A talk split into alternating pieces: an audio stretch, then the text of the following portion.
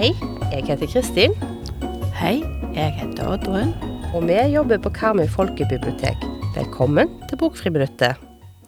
I dag så skal vi snakke om boka 'Ikke ta haiku' av Beate Winther. Og du har lest denne boka, Oddrun.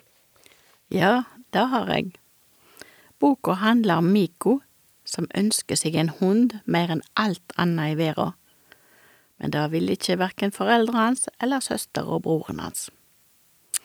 Men når familien får tilbud om å passe en kvalp, blir det fart på sakene. Ja, Miko får seg hund, da? Ja, på en måte. Den dagen de henta Haiku, som hunden heter, er den lykkeligste dagen i Miko sitt liv. Det er bare ett problem. Når Heiko blir ett og et halvt år gammel, så skal han leveres tilbake til hundeskolen for å trenes opp til å bli førerhund. Men hvordan takler Miko det? Han trøster seg med at det er 40% sjanse for at du ikke klarer alle testene som skal til på førerhundskolen, og at da kan Miko få beholde henne. Miko og Haiku de blir bestevenner og deler både morsomme og skum skumle opplevelser.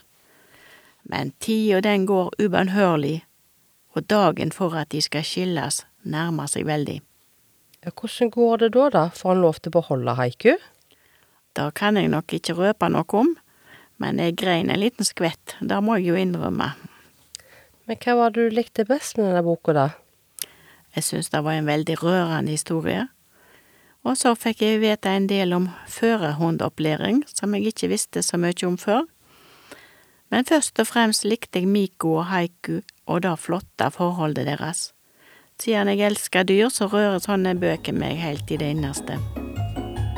Hvis du som hører på har lyst til å lese denne fine boka 'Ikke ta haiku', så kan du låne den. Karmøy folkebibliotek.